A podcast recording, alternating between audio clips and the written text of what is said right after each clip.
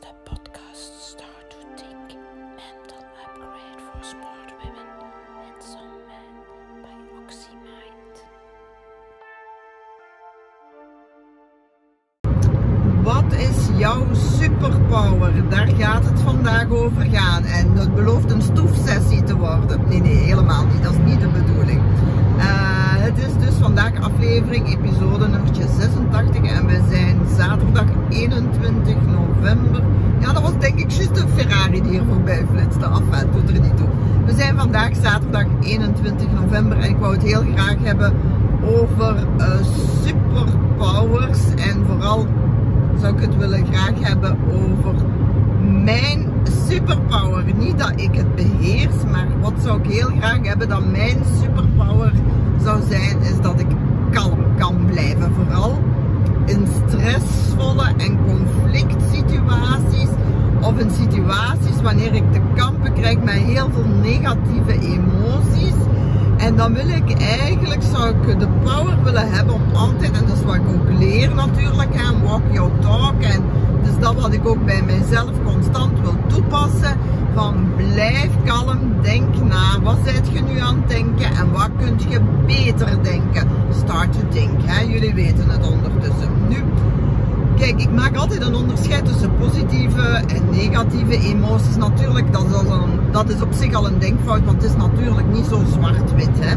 Zowel een positieve als een negatieve emotie, dat kan binnen, de, uh, binnen een bepaalde context juist een juiste emotie zijn. En wat wil ik daarmee zeggen?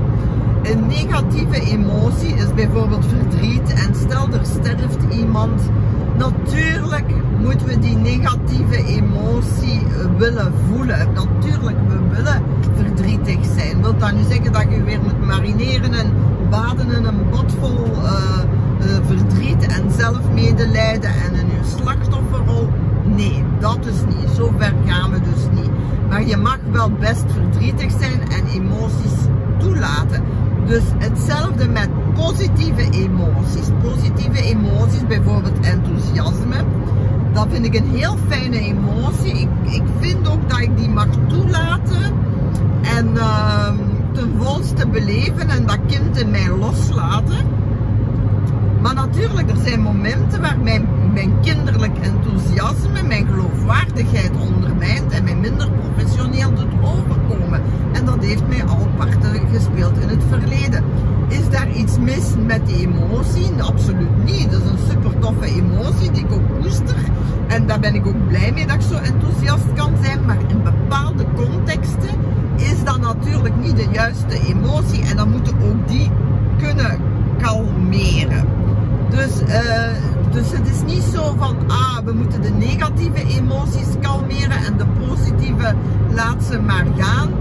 Nee, nee, we moeten altijd denken, er is een emotie en wat is er nu echt aan de hand? En wat doet onze gorilla?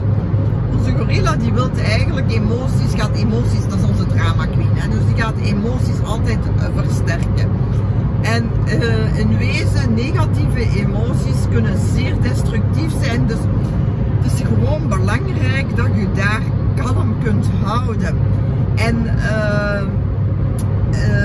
kalm houden, mensen zeggen dan altijd, ja maar moet ik altijd energie steken dan in mijzelf om altijd kalm te, te blijven in een conflict?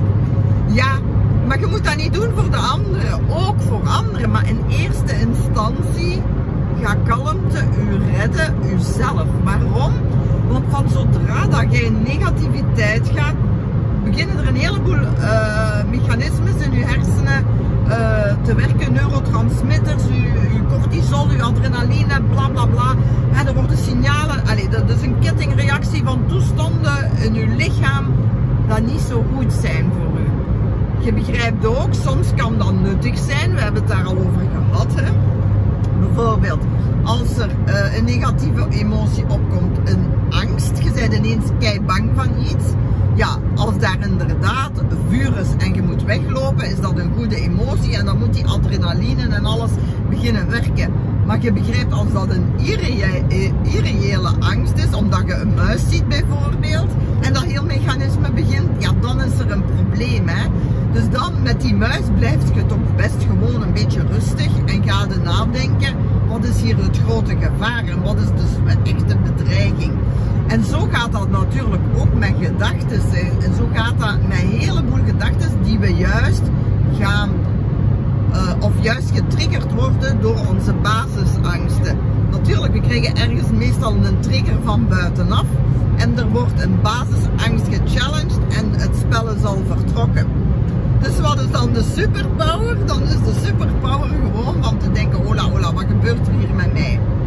Is er een reëel gevaar? Is er iets, een, is er iets echt serieus? Hè? Want de gorilla is een drama. Of, of is het gewoon mijn gorilla die nu een beetje uh, drama zoekt of creëert? En begin u dan te kalmeren en begin dan tegen uw gorilla te zeggen, er is niks aan de hand, het is maar een muis of het is maar een opmerking van iemand. Het is geen drama, dat betekent niks over mezelf, dat betekent iets externe situatie. En dat is natuurlijk heel, heel fijn. Hè? Dus uh, het is een work in progress, zou ik zeggen. Het lukt mij soms wel, misschien al vaak durf ik zeggen, maar soms ook totaal niet. En ga ik helemaal uit de bocht. En uh, ga ik een complete drama. Hè? Kan er wel iets over vertellen. En uh, kijk, en als dat gebeurt, oké, okay, is ook niet erg. Hè? Besef gewoon achteraf er gebeurd is en ga eens nadenken van waarom ben ik nu zo over de schreef gegaan? Waarom heeft mijn lichaam zo geëxplodeerd? Wat is er gebeurd? Wat is er gebeurd in mijn kopje en waar heb ik zitten denken dat mij eigenlijk niet geholpen